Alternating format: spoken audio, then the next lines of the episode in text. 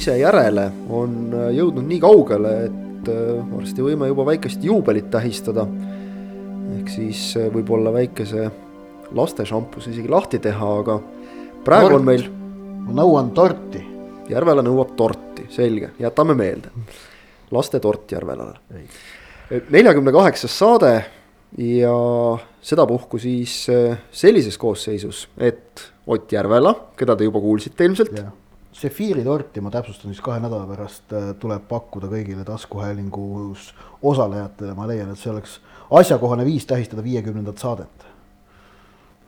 ilus mõte, ei vaidle vastu. ja sedapuhku meiega ka Ivar Lepik tere ka minu poolt ja tundub, et kahe nädala pärast peaks ka tagasi tulema ei ole paha plaan. ja seekord siis äh, mina, Kristjan Jaak Kangur, seda saadet vedamas, kui võib nii öelda, kuigi me teame, et äh, pigem see saade on selline, et algul vedama ei saa ja pärast ei saa pidama aga millest meil täna saates juttu tuleb, tuleb ikka nagu tavaliselt ennekõike premium-liigast ja, ja sellele eelnevatest kontrollmängudest on siin juhtunud igasuguseid huvitavaid asju väljakul, väljaku kõrval loomulikult. mõned eestlased on läinud välisklubidesse, teeme sellestki juttu. Ja ei saa loomulikult kasutamata jätta ka seda, et kui meil siin Ivar on, kes on pikalt äh, hoolitsenud Soker.ee äh, välismaa jalgpalli vedamise eest, et siis teeme loomulikult juttu ka välismaa jalgpallist võib-olla natuke rohkem kui mõnes viimases saates. aga hakkame pihta. võib vist öelda selle nädala Eestis toimunud suursündmusest ikkagi Flora ja Hammarby kohtumine suur sündmus nüüd niivõrd-kuivõrd üks kontrollmäng olla saab, aga. aga, aga sündmus ta ikkagi oli. Äh, Rootsist tuli siia fänne väga palju, ütleme kohe ära, kõige meeldivam selle juures, et äh, keskenduti jalgpallimängule, kõik olid nad siis alusetud või, või mingitest reaalsetest põhjustest kantud hirmud jäid realiseerumata. ehk mängiti jalgpalli, kõigil oli tore. Ott, sa olid sellel mängul täitsa kohal. teatud ametis isegi täiesti, mis meelde jäi kõige rohkem no,? meelde jäi see, et oli meeldivalt nagu intriigirohke äh, kohtumine sellise talvise sõpruskohtumise kohta või treeningkohtumise standardid arvestades, et, et äh, noh, sageli need talvised mängud on ju sellised noh, poolkohustuslikud või ja sellised noh, tulevad kangutatult kas ühe või mõlema võistkonna jaoks või ja, ja sageli on seal on ju seda noh, päris palju koosseisuga eksperimenteerimist, mis on kõik, kõik see kõik on täiesti arusaadav. aga sellele vaatamata see vaataja elamus seetõttu paratamatult natukene kannatab.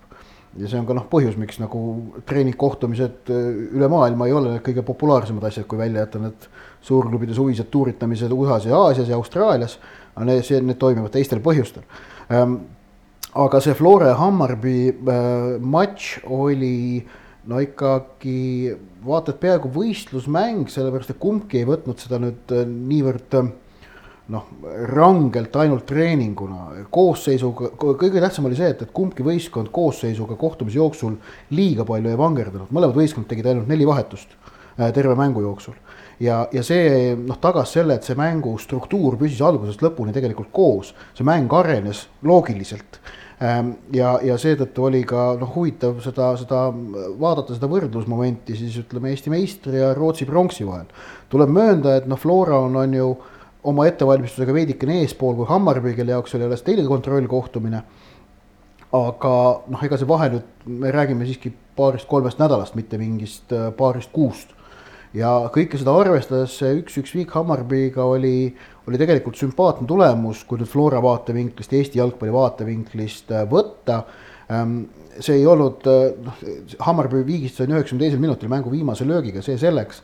Ähm, aga, aga viik oli selles mõttes tõesti õiglane, et esimene poolega oli Flora raskustes pigem ja, ja oli keerukusi palli valdamisega, rünnaku ülesehitamisega, teisel poolajal noh, saadi mäng paremini enda kontrolli alla ehk et oli nagu no ütlen, et see, see mäng püsis loogilisena koos, et ta arenes nagu noh, üheksakümne minutiline jalgpallikohtumine peab arenema.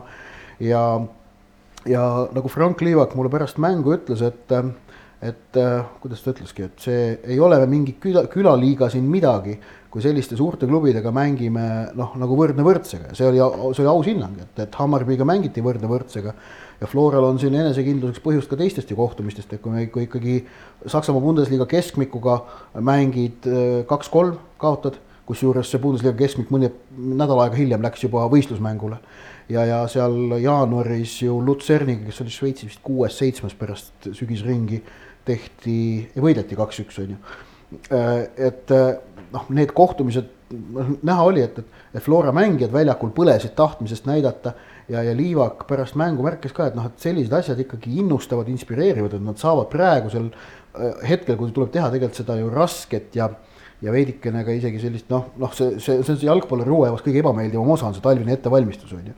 aga et kui selle keskel on säärased rahvusvahelised katsumused, siis need aitavad kogu seda talve nagu kindlasti äh, kergemini äh, üle elada ja kogu seda asja nagu lõbusamalt teha ning äh, noh, see oli igati hea kondiproov Florale ja ma arvan, et see, kuigi see noh, emotsioon seoses selle viimase minuti viigiväravaga oli ilmselt kehvapoolne, siis äh, nüüd täna on kaks päeva mängust möödas, ma arvan, et praegu nad vaatavad, kogu see Flora sats vaatab tolle mängule nagu hoopis noh, positiivsema emotsiooniga peale, et, et Rootsi pronksiga mängida korralik mäng, see on kõva.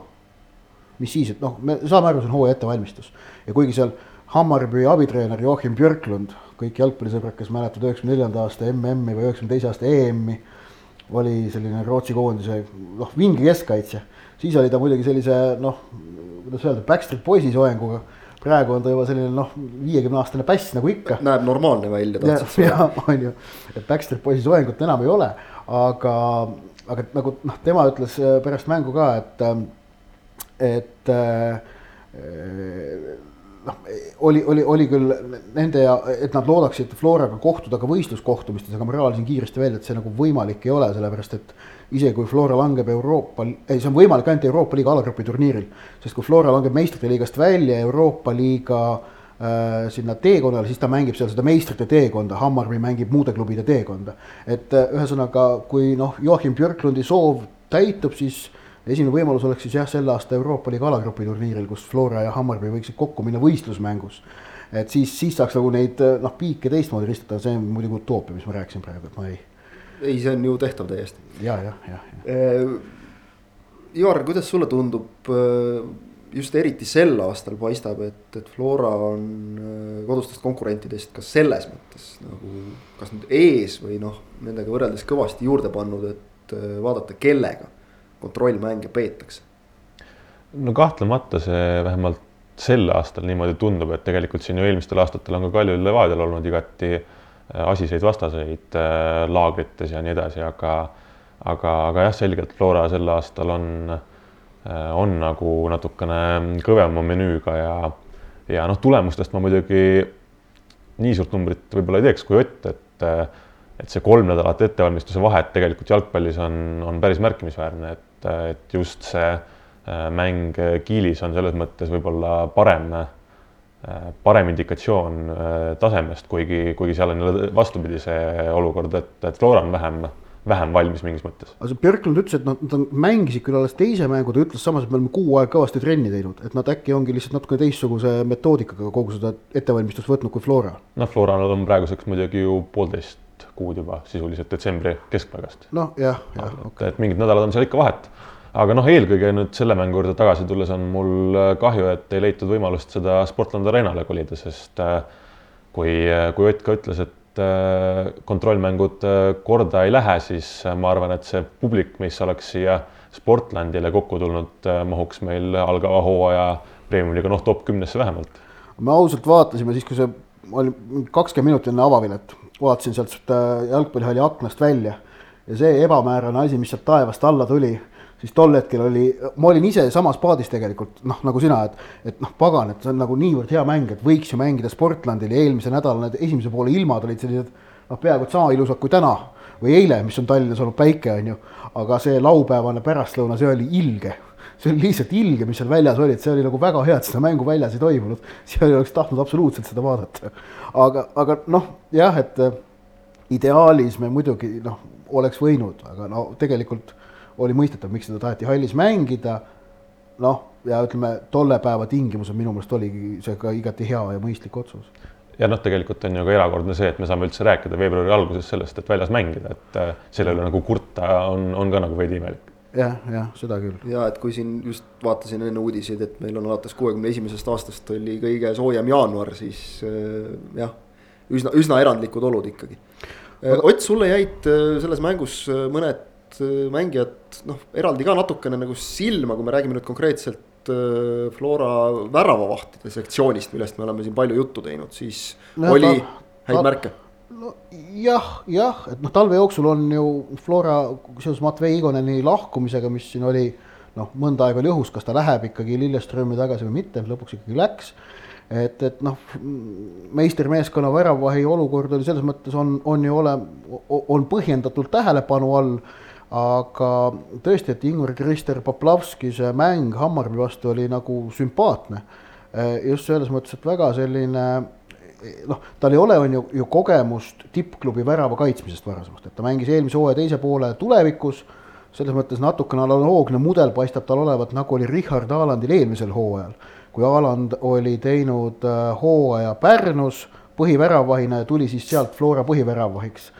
Äh, tulevik kust nüüd tuleb Poplavskis samamoodi noh, ütleme tabeli tagumise poole satsi äh, põhivärava koha pealt Flora äh, esinumbriks on ta teel ning äh, ütleme, see, see mäng Hammarby vastu ma nüüd täispikkus oli näha, et ta oli nagu tõesti noh, tundis ennast selles rollis väga mugavalt, et oleks nagu noh, tegi seal kaks-kolm väga head tõrjet, noh mängis kindlalt igatepidi, et see on nagu noh, Flora jaoks tähtis märk, sest see väravai koht oli vaata et nende suurim küsimärk enne uut hooaega. Ja, ja seal nagu oli asi, asi on, asi paistab, et on kontrolli all.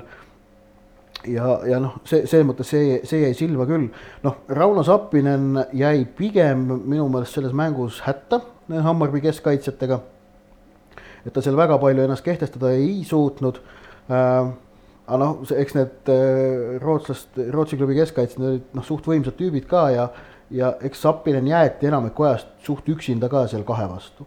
Äh, Frank Liivak tegi ääre peal väga sümpaatse mängu ja, ja Mihkel Ainsalu oli siis ka, keda, kes siis noh, tuli tagasi Šotimaalt oma sellest testimiselt, mis tal lepingut ei toonud Hibernianiga ja, ja tegi mingi vist kuuskümmend viis minutit circa mängis mm, noh, ma ei tea, ma olen näinud nagu Ainsalut paremas vormis. et ta, ta minu meelest noh, et ütleme võrreldes ülejäänud Flora mängijatega, et noh, keegi ei saa praegu olla tippvormis. aga, aga minu meelest nagu Ainsalu ei olnud kõige paremas äh, hoos tolles kohtumises. et sellised tähelepanekud lihtsalt, aga noh, samas jällegi tõesti, see on Tallinna treeningmäng, et kuivõrd põhja panevad need kõik, on, see on omaette teema, aga noh, mingeid väikseid märke tuleb ju proovida sealt välja lugeda üks asi, mis, mis kindlasti mainib, väärib veel mainimist, on, on see, et äh, Flora on äh, sel aastal teinud mitte ainult oma meeskonnale, vaid ka oma naiskonnale väga korraliku hooajaeelse programmi ja, ja kui vaadata Aleksandr Ševaldaeva kommentaare pärast mängu, siis Flora naiskonnale vist, noh, mitte vist, vist, vaid kindlasti, eriti nüüd pärast, äh, pärast Pärnu noh, loobumist, lagunemist, kuidas iganes seda nimetada on eriti tähtis just võrrelda ennast äh, konkurentidega mujalt, sest Eestis noh, hetkeseisuga tundub, et neile konkurente väga ei ole. mistõttu äh, noh, Ševaldajev ütles õigesti, et kui sa siin Eestis nagu muudkui võidad ja võidad, äh, elad selles omas mullis, siis võib jääda enda võimetest natukene ebaadekvaatne pilt. et noh, kindlasti hästi positiivne see, et, et Flora on ka tõesti oma, oma naiskonna käekäigu viimastel aastatel võtnud nagu väga selgelt luubi alla. ja, ja sinna märkimisväärselt võib öelda panustanud.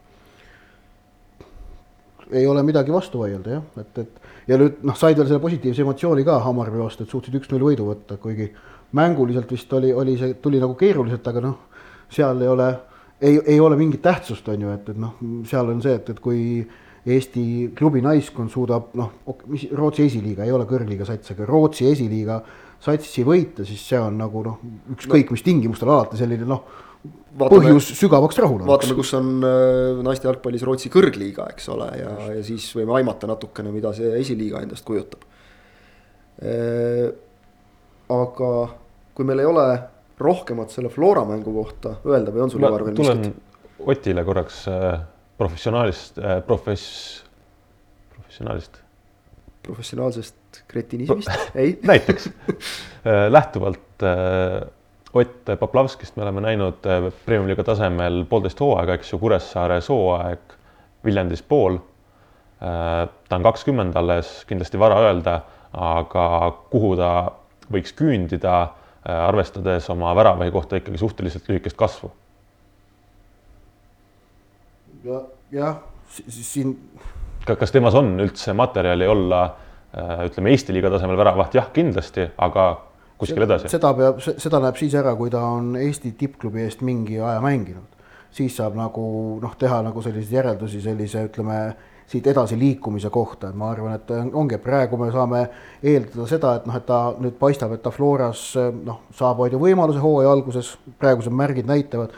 ja kui ta on selle võimaluse saanud ja siis on no ütleme noh, selle pealt saab teha nagu edasisi järeldusi, et see, kas temast nagu võib tulla noh, Eesti A-koondislane, noh, ma minu meelest praeguse nagu algandmete pealt seda ei ole võimalik väga öelda ähm, noh, väravahi positsioonil muidugi koondises on väga, väga tugev konkurents Äh, see, et meil nagu koondise väravaid mängivad premium-liigas, äh, noh, ei pea ju tingimata reegel olema. Äh, et see, see nagu, eks seda nagu näeb. Ähm, ja, ja ma ei ole Poplavskist niivõrd palju näinud, et ma noh, julgeksin mingeid väga põhjapanevaid järeldusi teha, et, et, et noh, ma olen näinud teda natukene aga, aga sa oled selles mõttes nüüd nende nähtud mängude põhjal siin taliturniiril äh, seisukohal, et ta väärib seda võimalust äh, enne kui Aland hooaja alguses? märgid viitavad, et see nii läheb ja see on nagu loogiline, et noh, ta on praegu äh, noh, meeskonnaga pikemalt äh, harjutanud, ta on neid kohtumisi siin talvel rohkem saanud, ta on praegu selgelt hierarhias number üks Floras ja Aland on praegu number kaks. noh, see ei ole nagu väga minu öelda, kas ta väärib seda võimalust, eks seal Orgla ja, ja, ja Henn selle asja ju lõpuks paika panevad praegu nagu on näha ja paistab, et tema selle võimaluse saab ja nagu noh, ütleme see, mis väljakul noh, kasvõi selle Hammarby vastu nägin, siis pole nagu mingit põhjust seda, miks see nii ei peaks olema.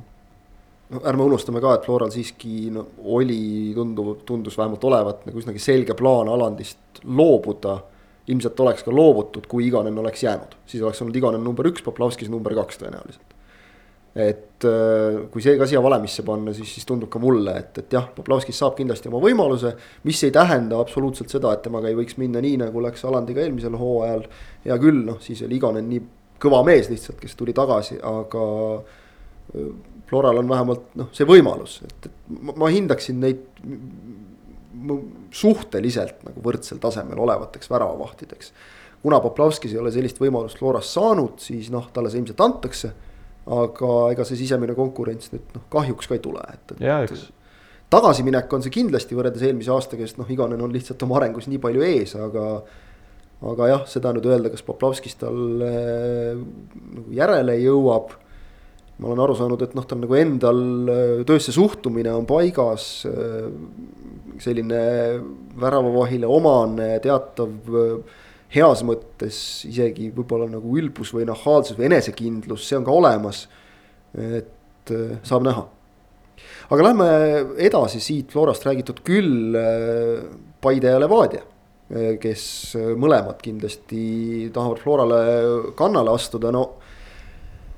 Vaadates nüüd jällegi noh, jätame korraks kõrvale need tulemused võib-olla, aga, aga vaadates nüüd seda mängupilti pilti, äh, mis, mis on taliturniiril olnud, siis ausalt öeldes hakkab mulle aina enam tunduma, et, et need, kes räägivad Paidest kui äh, Flora suurimast ohustajast, võib-olla enam päris hullu juttu ei ajagi. see tundub natukene noh, nagu võimas hüpe. Levadia Kalju on ikkagi justkui peaks nagu olema teoreetiliselt veel Paidest eespool ja Paide peaks ennekõike neid ohustama, siis võib-olla vaatama, kas hammas Flora peale ka hakkab, aga ütleme nii, et, et need taliturniiri esimesed mängud on olnud võrdlemisi lubavad. et kui vaadata nüüd Paide noh, ennekõike ikkagi komplekteeritust ehk pingi pikkust. kas, kas me loeme natuke liiga palju jälle välja nendest kontrollmängudest või on see tõesti reaalne? kuidas sulle tundub?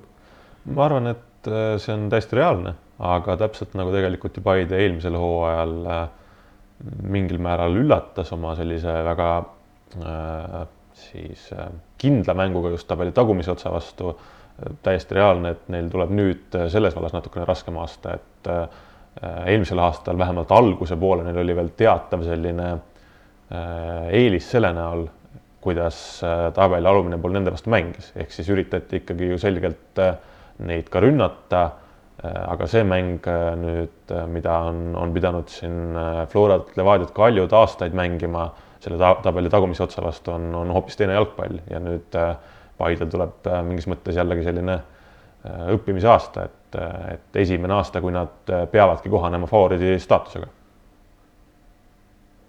mis muidugi Paide puhul suurim küsimärk on, me eelmises saates rääkisime sellest äärekaitsjate võimalikust noh, probleemist mitte, mitte esimeste valikute, vaid just teiste valikute osas tuletati kohe meile meelde ka, et me unustasime ära, parandame vea, Joosep Saliste loomulikult on äärekaitses üks, üks valik keda saab kasutada seal no,. Flora Eesti meistriks pidanud selle positsiooni pealt. eks ole, ja noh, saab, saab kasutada. aga, aga noh, Saliste on mänginud äh, praegu keskväljal kontrollmängudes ja, ja noh, ilmselgelt nagu ta siin Paidega liitudes ka ise väga selgelt mõista andis, et, et ta tahab seal mängida ennekõike ja, ja noh, jalgpallis garantiisid ei ole, aga.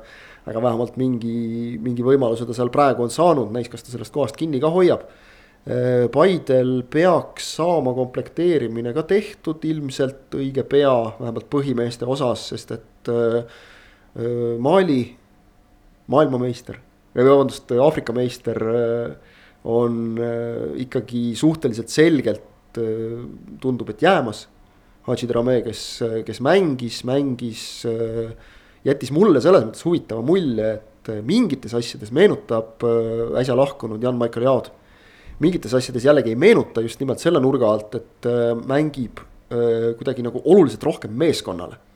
et kui äh, Jan oli ikkagi see mees, kes nagu jubedalt armastas ise ääre pealt ette võtta, ise teha ja ise löögile ka minna tingimata, siis siis Trame tundus rohkem nagu sobituvat, nagu ütles ka Vjatšeslav Zahovaiko pärast mängu, et nagu sobitub natukene. noh, ta vältis meelega loomulikult väljendit paremini, aga ütles, et sobitub hästi nagu meie plaani et, et näis, noh, Paide oli ise juba lootusrikas, et, et võib-olla kui kõik hästi läheb, siis juba nüüd alanud nädalal õnnestub ka need asjad ametlikuks muuta, eks see paistab, õnnestub, ei õnnestu, aga. aga Zahhovaiko vastus oli väga konkreetne, kui küsisin, et kas sa tahad seda meest oma meeskonda, Zahhovaiko ütles jah, tahan. et noh, seal ütleme, ei tohiks nagu tekkida küsimusi vahemärkusena väga äge, et on võimalus ajada sassi maailmameistreid ja Euroopa meistreid ja, ja. Aafrika meistreid äh, viga tuli väga lihtsa koha pealt, et me väga hästi ise siin ka reklaamisime selle Paide Levadia mängu välja, et maailmameistri ja, ja, ja Aafrika meistri vaheline duell, sest et Levadial oli, oli nimekirjas Aleksandr Safronov, kes on tulnud Ukrainaga tõesti maailmameistriks, mitte lihtsalt nagu meil siin vahel noh, on Eestissegi sattunud mõned mehed, kes on ka on, on tulnud selleks või teiseks või kolmandaks, siis tegelikult selgub, et ühe minuti jalagrupi mängus said peale, ei, Safronov mängis selles finaalis ka ikkagi. ta ei olnud küll sel turniiril põhimees, ta mängis finaalis äh, teise keskkaitsja mängukeelu tõttu, aga ta siiski mängis seal, mängis ka ühes alagrupi mängus, nii et äh, noh mingit klassi see ikkagi näitab ja, ja mees on ikkagi, tuleb Eestisse selle pealt, et ta on mänginud. kas ta seda klassi Paide vastu ka näitas? Kohe jõuame selleni ta on mänginud äh, Ukraina kõrgliigas ikkagi praegu, nii et äh, noh, iseenesest nagu need jah, paberil olevad andmed kõik näitavad, aga täpselt küsimus on sul väga õige ja täpne. jättis soovida. aga jälle, mul on tunne, et nii tema kui selle Otšikava mõlema ukrainlase osas, et, et äh, siin kontrollmängudest väga suuri järeldusi teha veel ei tasu, et, et noh, et. nõus, pigem mitte sest et nad on noored mängijad. kasutas Levadia seda Martin Reimi poolt noh, koondises meile ka tuttavaks tehtud kolme kaitsjaga.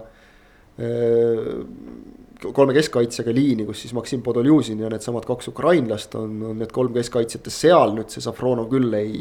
kas oli see asetus talle kuidagi võõras või ta ei olnud tõesti üldse sisse elanud, kui ta teisel poolel välja vahetati, siis ta läks ka ise. istus pingile ja vangutas seal pikalt pead, et noh, ilmselgelt ei jäänud ka ise oma esitusega üldse rahule aga nagu Reim ütles, et noh, mees on mõned päevad, noh maksimum nädala jagu päevi siin olnud, mõned trennid teinud, et, et selle pealt vara veel natukene nagu maha kanda. aga, aga huvitav saab see olema igatahes ka selle nurga alt, et et, kui nüüd noh, see nii-öelda noh, kui kaks ukrainlast tuuakse, siis, siis eeldaks, et põhikoosseisu. või vähemalt põhikoosseisu kohale nagu selged soosikud Podoljuzini kõrval, kes on raudvara. Marko Lipp ja Moritz Veering niimoodi jäävad jälle oma aega ootama, mõlema mehe hooaja ettevalmistust on vigastused seganud lipul väidetavalt natukene kroonilisem mure, nii et, et noh, Levadial nagu seal keskkaitses nüüd vist on, on mehed olemas.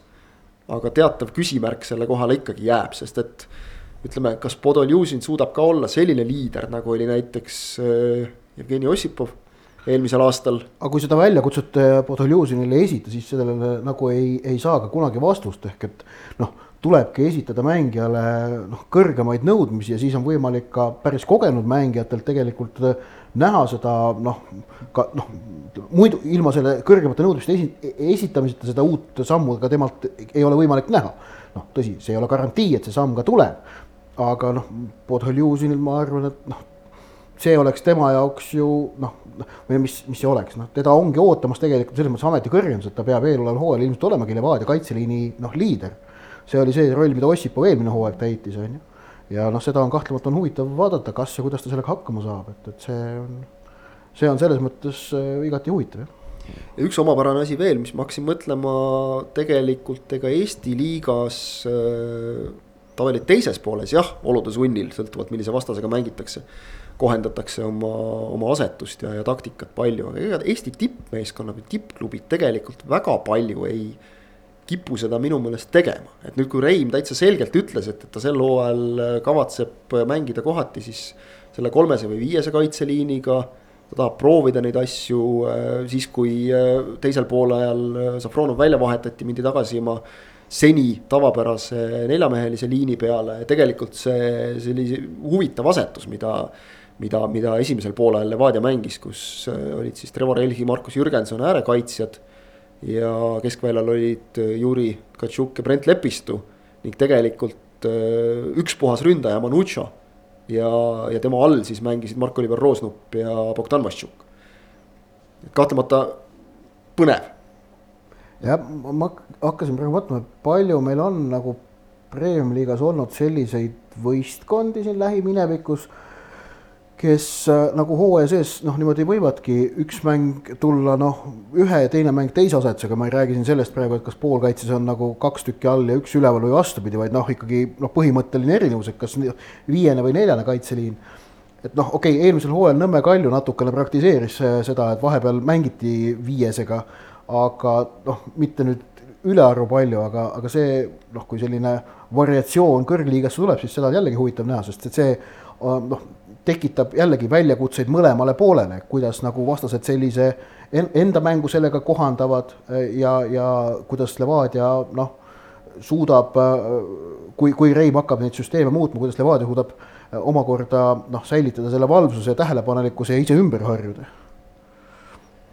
Aga Paidest Levadiast nii palju, mainime ära loomulikult ka Nõmme Kalju, noh numbriliselt suure võidu, Tartu Tammeka üle viis-kaks, samas seal kolm viimast väravat löödi mängu lõpus, aga, aga noh, teisest küljest jällegi miskit see ka näitab.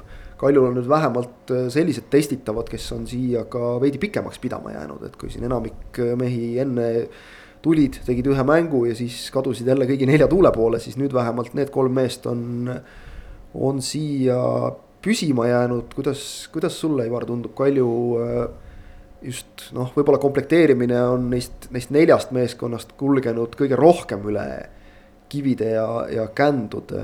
näed sa neis ikkagi kindlat medaalisoosikut või tuleb neil selle nimel veel kõvasti tööd teha, arvestades Paide soovi teha samm edasi?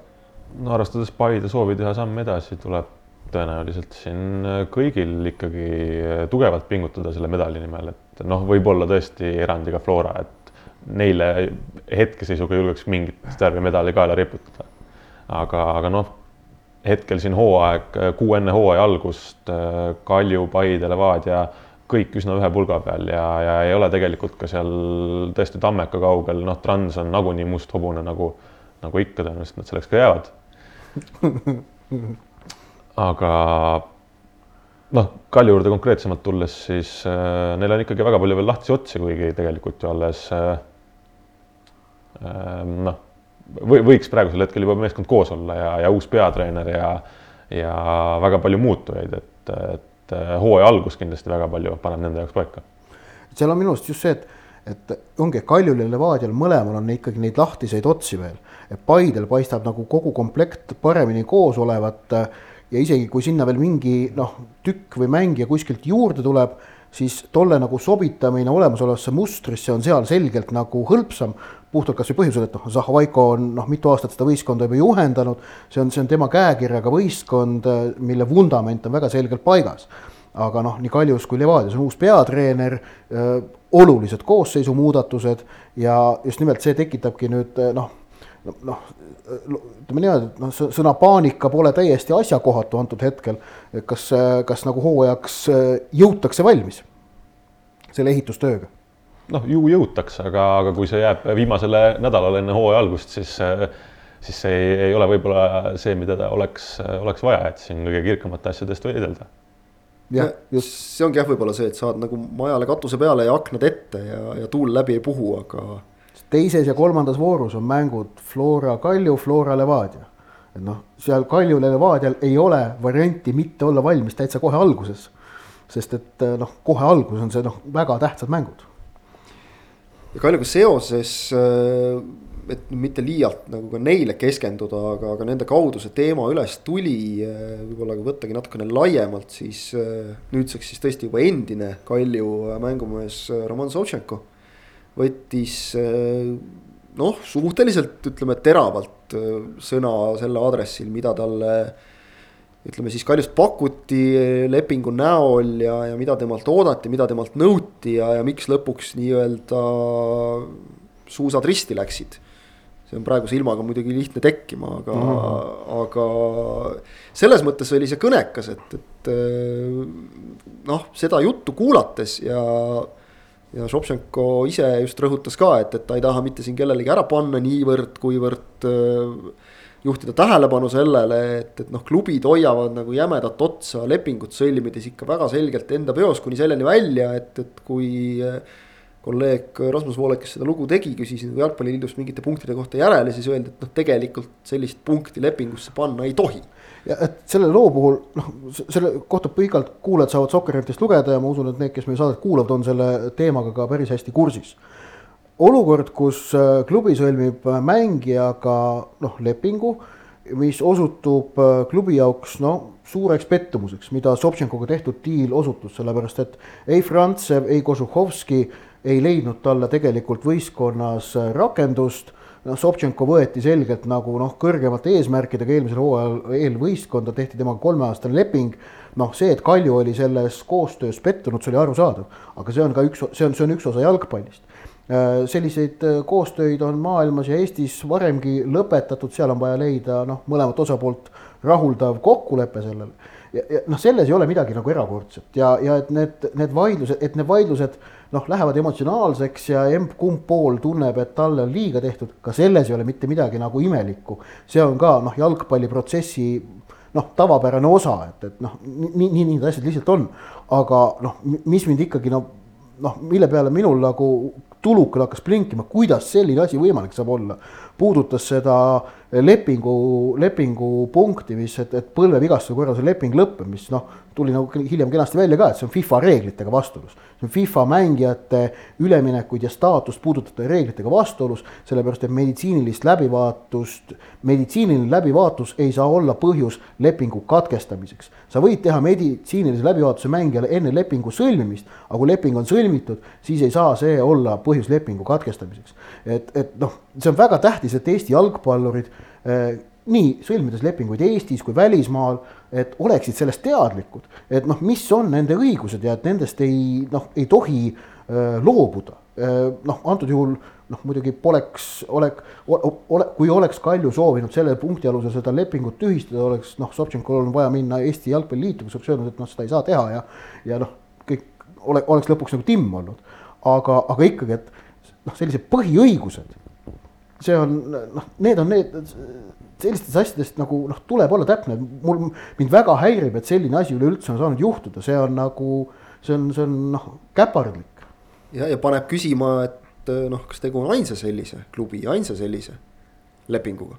me ei tea seda, et tõesti, nagu sa ütlesid, jätame korraks klubi mängija nagu kõrvale, aga, aga see, et mängijad oleksid oma õigustest teadlikud ja seisaksid nende eest, see on selle loo moraal ilmselt. Äh, kui moraalist äh, rääkides, siis äh, enne kui me edasi liigume siit taliturniiri ja, ja kõige selle juurest igasuguseid üleminekuid asju on olnud, neid jällegi nagu, nagu Ott just ütles, kes on meie püsilugeja ja kuulaja, ilmselt on neid uudiseid Sokkerneti eest juba näinud ka.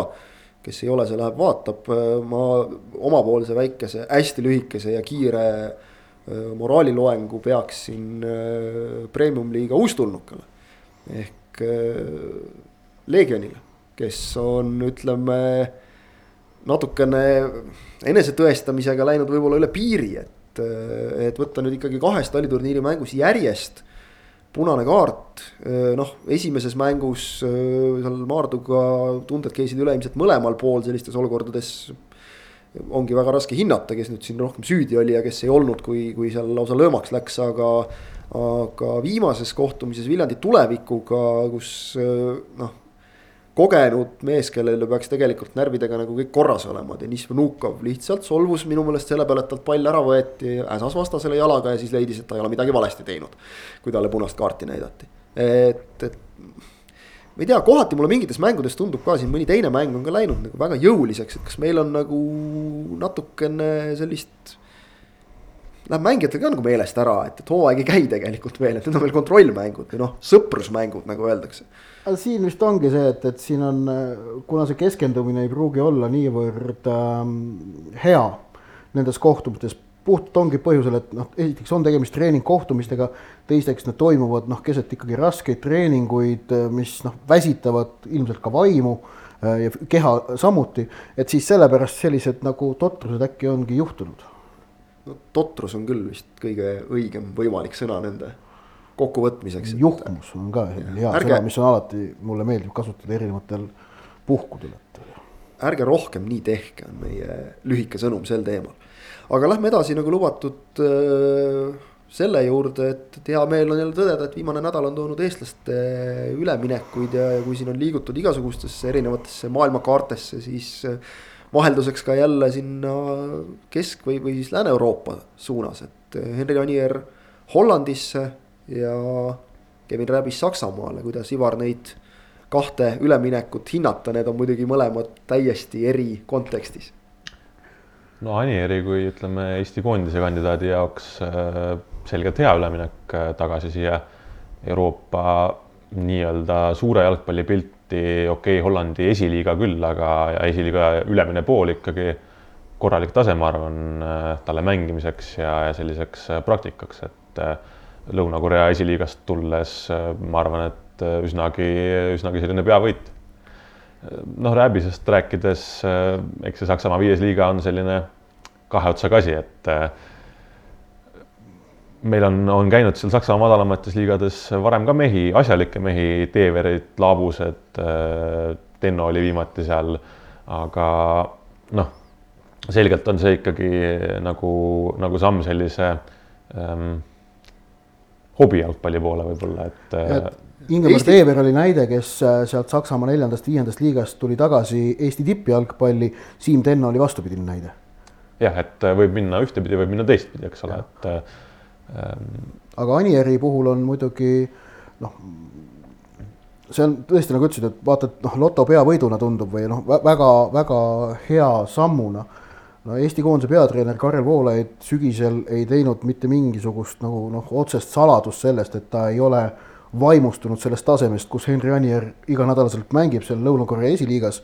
just nimelt äh, selle nagu noh, jalgpalli eelkõige vist lihtsa koelisuse tõttu ja, ja noh, seda tegelikult nägi ju ka sellest, Anier septembris ja oktoobris koondise kutset ei teeninud. alles novembri mängudeks pääses tagasi, tegelikult noh, tegi ju hea esituse Ukrainas äh,, Zaporižjas. noh, okei okay,, see, ma tean, et see nagu tekitab erinevaid arvamusi alati, kui ma kiidan Henri Anieri üksinda tipuründes mängimisest. Aga, aga see selleks, seda võib meil siin saateid peaaegu aasta aega tagasi kerida siis saab eelmine kevad, ma rääkisin sellest pikalt siin.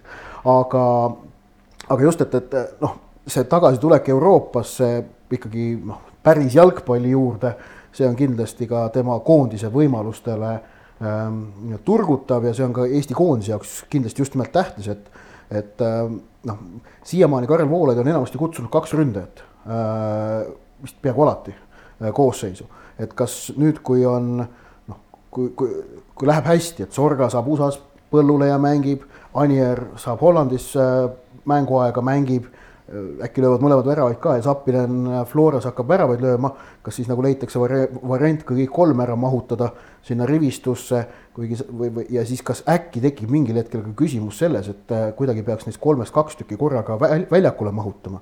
kui nad noh, juhtuvad kõik heas hoos olema, et äh, kui säärane positiivne peavalu Karel Voolaiule teki-, tekiks oleks see neetult sümpaatne olukord, ausalt öelda. seda muret ei ole meil tõesti ammu olnud, et äh, kahte ründajat oleks hirmsasti vaja sinna platsile mahutada. et mehed on nii heas hoos, et kõik ei mahu platsile ära, kes on koduklubis heas, heas vormis. aga muidugi Anieri koha pealt noh, anname aega, eks ole, ja, ja tegelikult see leping on ju ainult pooleaastane, et see on nagu selline väike äh, murekoht seal võib-olla. see on selgelt leping, mille klubi on noh, kus klubi jaoks on risk väike, et võtavad pooleks aastaks äh, kogenud ründaja, kellel on see võimalus siis ennast tõestada, noh, klubi jaoks olulist finantsriski ei ole, mängija jaoks selles mõttes ka riski ei ole, et noh, mõlema jaoks on võimalus nagu noh, vaadata, kas, kas, kas see on hea samm, kas see, kas, kas see õnnestub kui me juba niimoodi servapidi välismaale jõudsime, siis jätkame seal ka. noh, me ei saa ikka üle ega ümber üheski saates sellest tõdemusest, et Liverpool on Inglismaa liiga ära rikkunud, aga õnneks mitte lõplikult. Sest et kuigi Liverpool jälle võitis ja, ja purustab igasuguseid kõikvõimalikke rekordeid, ennekõike puudutab edu teise koha meeskonna ees, siis seesama teise koha meeskond Manchester City on endiselt teise koha meeskond, aga nädalavahetuse mäng Tottenham, Man City tõestas, et, et noh, vaatemängulisus Inglismaa liigast ei ole jätkuvalt õnneks kadunud, eriti kui lähevad vastamisi Murillo ja Guardiola. jah, aga minu meelest tõestas see ainult seda, et Inglismaa liiga on ikkagi suhteliselt äh,. ühesõnaga. no ütle julgelt. see olukord, kõigepealt olukord Sterlinguga, kindel punane kaart. no see oli, see oli, see oli noh, piinlik otsus. ja penalti olukord äh, kaks minutit hiljem tagasi tuua ei ole normaalne. See, kuidas kasutatakse varri MM-il, kasutatakse teistes liigades väga okei okay,, väga fine, olin alguses vastu, nüüd ei ole midagi. No,. Mandri-Euroopas, Mandri-Euroopas osatakse teha ja, seda asja. aga inglased no, ei, ei, ei. Ja see muudab selle liiga naeruväärseks. No ma naeruväärset sõna ei kasuta, aga noh, see on selge see, et noh, varri nad ei, varriga on inglased noh, ei, ei julge teha samamoodi, nagu tehakse Euroopas mingil noh, noh, ma ütlen, hashtag Brexit on siin nagu asi, mida tahaks nagu öelda, me teeme teisiti ja meil on, ma ei tea, noh, me oleme targemad. aga selle eilse mängu juurde, et noh, jättes need varri probleemid kõrvale, siis, siis nagu see vaatemängulisus ja sportlik draama olid ikkagi väga head. see oli selle hooaja üks paremaid Premier League'i mänge. aga see oleks pidanud olema hoopis teistsugune mäng. nojah, ja seda küll ja Sterling oleks pidanud saama viieteistkümnendal punase, see on tõsi ja siis noh, kuidas sealt edasi oleks läinud, ei tea üldse, kuidas oleks läinud, aga, aga noh, läks nagu ta läks, aga ma ütlen, see puhtalt nagu see sportlik vaatemäng ja sportlik draama, mida see kohtumine pakkus, olid äh,, olid esmaklassilised. ja noh, eks peatreenerite noh, see ajalooline omavaheline foon andis sinna väga palju juurde aga, aga tegelikult samamoodi andis juurde ka noh, see Tottenhami noh, tabeliseis, et eks nad haistsid ka võimalust või noh, nad tunnevad vajadust seda esineliku kohta jahtida ja ja noh, nüüd nad selle, sellele astusid päris hea sammu lähemale, et seda neljandat kohta ikkagi ju pakutakse. et noh, ma arvan, et Manchester City nüüd noh, pärast, no nüüd on juba noh, täiesti selge, et noh, et kes Peep Guardiola seal ütles ka, et noh, põhimõtteliselt noh, mida me siin räägime, et no tiitel on muidugi läinud, on ju, et ja, ja neil on see luksus ka, et nad ikkagi edestavad Chelsea't vist kümne punktiga, kui ma ei eksi. Chelsea, kes on neljandal kohal ähm,. Mis, mis tähendab, et noh te, tegelikult ega neil esinevikust väljakukkumise ohtu Man Cityl tegelikult ei ole ja nad saavad panna rõhu meistrite liigale. ja meistrite liigaga võivad oma hooaja ära päästa. Noh, see on ju, see on ju selge ja noh, see on, tähendab see, et Lesteri võimalus võita hõbe on selle, ma arvan, päris hea ja neljanda koha peale, no seal Pronks on hm? pronks ei, ma mõtlen just Leicesteri võimalus võita hõbe ehk minna Cityst mööda ah,, minna Cityst mööda ja okei. et noh, et kuna City paneb rõhu nüüd ilmselt meistrite liigale ja miks mitte ka Inglise karikale noh, kus on nagu võimalik midagi võita, noh, liiga karikasarja finaal ootab no, neid ka veel ees. nagu Guardiola ütles, et, et minu aeg Man City's loetaks läbikukkumiseks, kui ma ei võida meistrite liigat, kas see nüüd on õiglane tingimata tema suhtes, see on teine küsimus. aga, aga ilmselt seda nii vaadatakse. jah, jah, aga see noh, neljandale kohale võitlus tuleb väga tihe, et seal on, seal on Chelsea, seal on, seal on tegelikult võitlus, noh, Tottenham ise võitluses on sees endiselt ka Wolves ja Man United.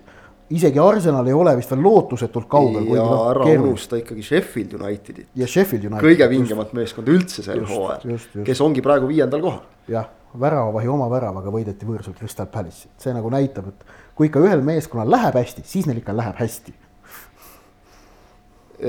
edasi liikudes Hispaaniasse, kellel on hakanud hästi minema, on Real. meeskond, kelle suhtes ka hooaja alguses oldi jube skeptilised, aga jällegi Atletico üks-null kotti pandud. asjad nagu sujuvad, et Zidane natuke ikka oskab seda peatreeneri värki. Zidane oskab seda värki ja, ja no kes tervit vaatas, siis äh, eriti hästi tõusis see just äh, seal esile ka, et esimene poolaeg äh, no ta, tasavägine, üsna võrdne, aga Atletico kergelt üle, paremad momendid, löödi posti.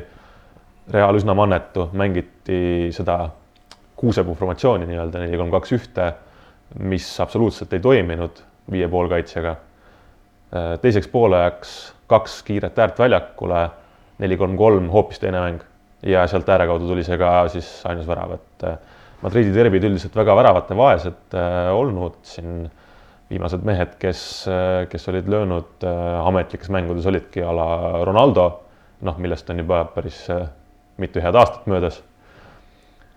aga, aga noh, Reali jaoks kindlasti suur võit, oluline võit, Zidane'ile järjekordne väike tõestamiskoht ja Atleticul ütleme nii, et see vahehooaeg on läinud raskemalt, kui võib-olla alguses arvati. ja et seda ju tegelikult eeldati, et tuleb selline vahehooaeg, aga, aga nad on kuidagi noh, see null-üks kaotus Realile ei ole nüüd midagi erilist. aga nad on koperdanud kuidagi väga arusaamatus kohtades kohati. jah, just siin eriti, eriti need viimased äh, kuu aega, et äh, pärast seda superkarika kaotust need rattad natukene alt ära tulid ja, ja seal noh, mingisugused Leganesid ja kes neilt veel punkte on võtnud, et äh, ja, ja see karikast välja kukkumine muidugi madalama liiga satsi vastu oli nagu tippude tipp, et tegelikult korralik koosseis mängis ja ja noh, nüüd kahe nädala pärast, jah, kahe nädala pärast Liverpool, nii et saame näha, mida Simeone välja mõtleb Ronaldot mainisid, hüppame kohe tema juurde ka, et, et ega vahet ei ole, kus ta on, ta, ta ikka lööb. kui vana ta on või kui, kui, kui mitu korda teda on juba siin sügisel maha kantud. jälle ta tuleb tagasi, jälle ta teeb, jälle ta lööb. ja, ja, ja Juventus ja. jälle, jälle marsib.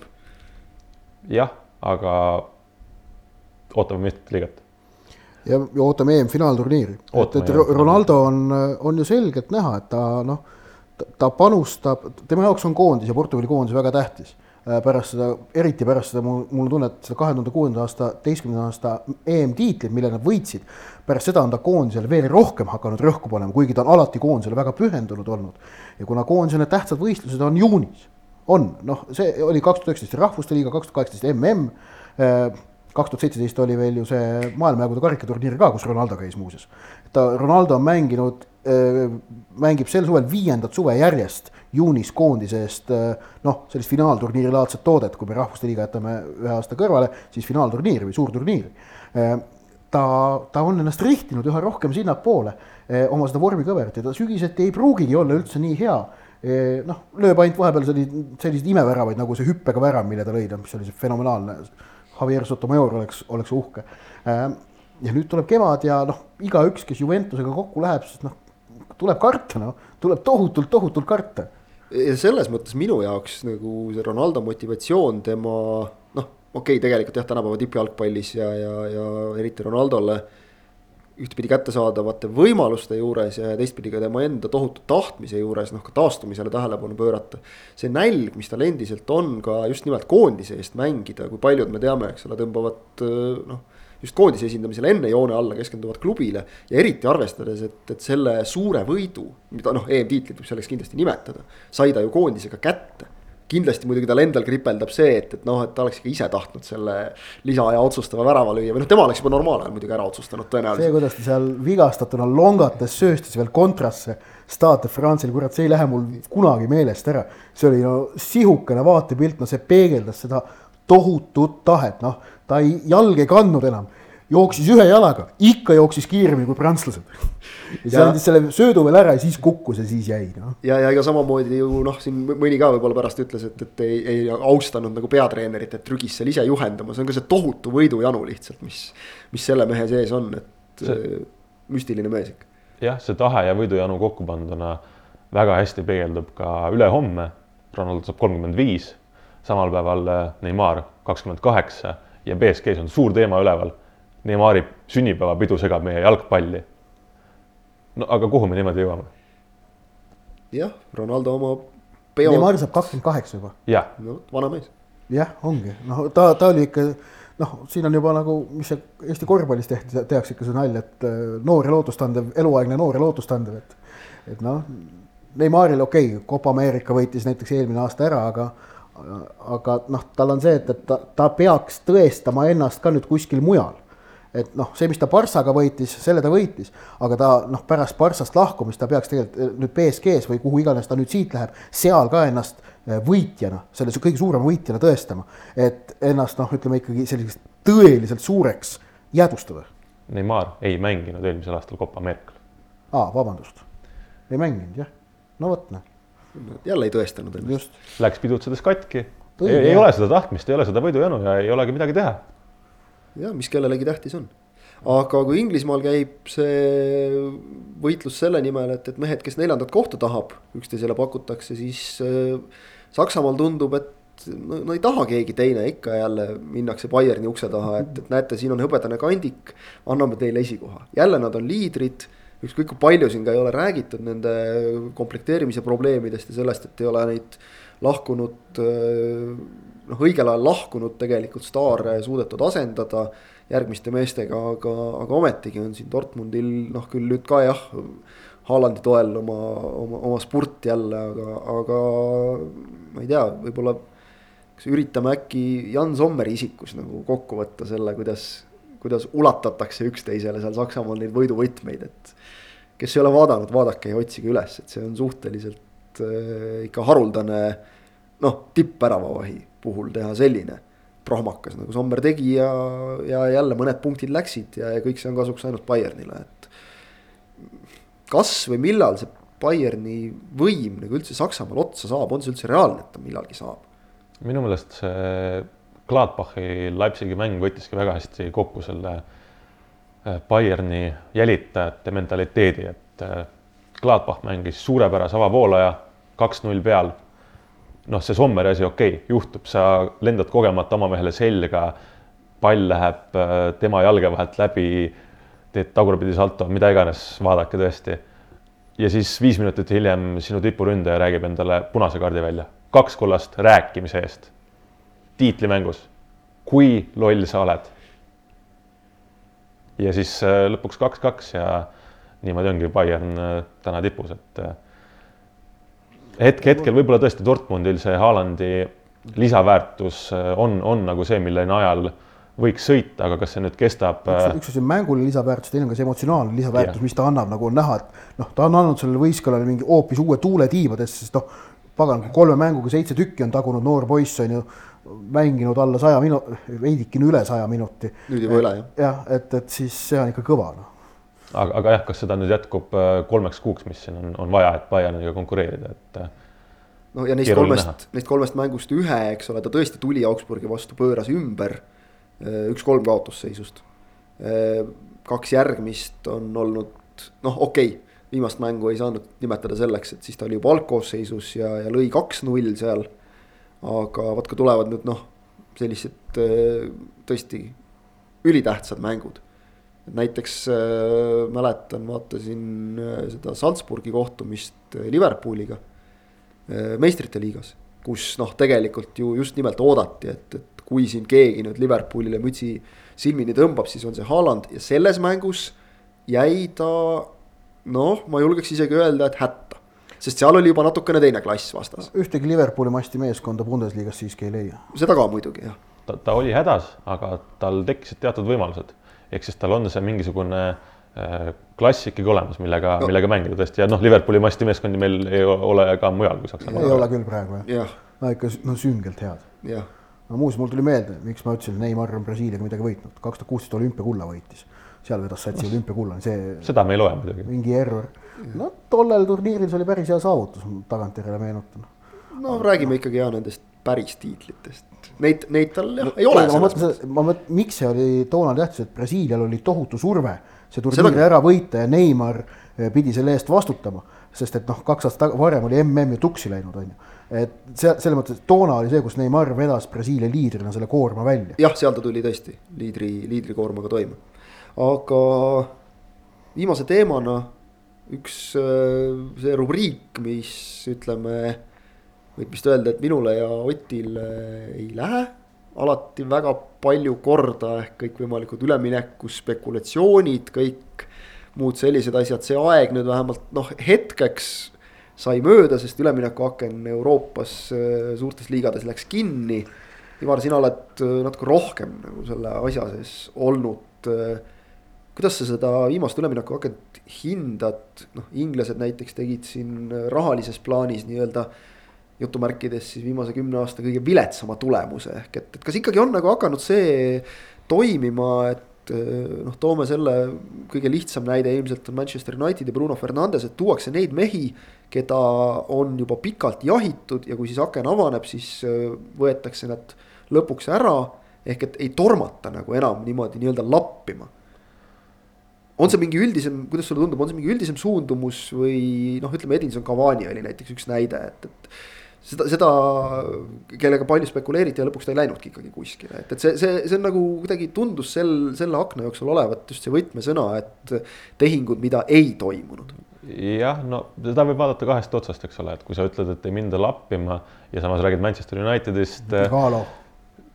Siis äh.... no nii hullult kui varem, ütleme ja nii ja. suurte rahahunnikutega, Igalo oli selles mõttes nagu mõistlik liigutus, et sa võtad mehe laenule pooleks aastaks, mis tähendab, et noh, ta ei jää sulle tänapäeva lepingud on ju sellised neli pool aastat ja mingid, siis sa maksad nagu Alexis Sanchez'e seda.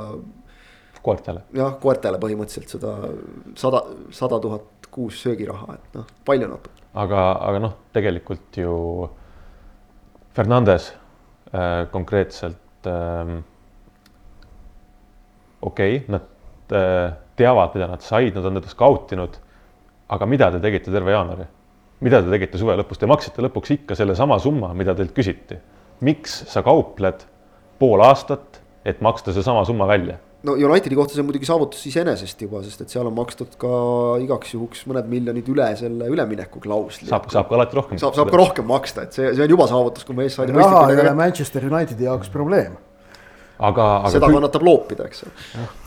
aga küll äh, jah, tõesti üleminekuaknas äh, oli suur probleem nüüd selgelt jaanuaris, mis tõusis esile, mis on tegelikult äh, Euroopa jalgpallis teatav trend. ei ole ründajaid. ja kui ründajaid on siis äh, mingil põhjusel neid ei taheta, a la noh, kes siin liikusid, eks ole, äh, noh, Haalandit taheti, okei okay,, Haaland sai ise valida, aga Paco Alcacer, kes jäi Dortmundis üleliigseks, äh, Piatek Milanis üleliigseks, läksid kuhu, Villareal ja Berliini Hertha, eks ole. samal ajal otsivad ründajat Barcelona, United, Chelsea, Tottenham, Atletico, terve rida suuri, kes noh lõpuks helistavad kõik Oliver Giroud'le, et kuule, äkki saad appi tulla ja siis Lampard ütleb ka veel, et ei lase. ja järgmisel mängupäeval teda koosseisus ei ole.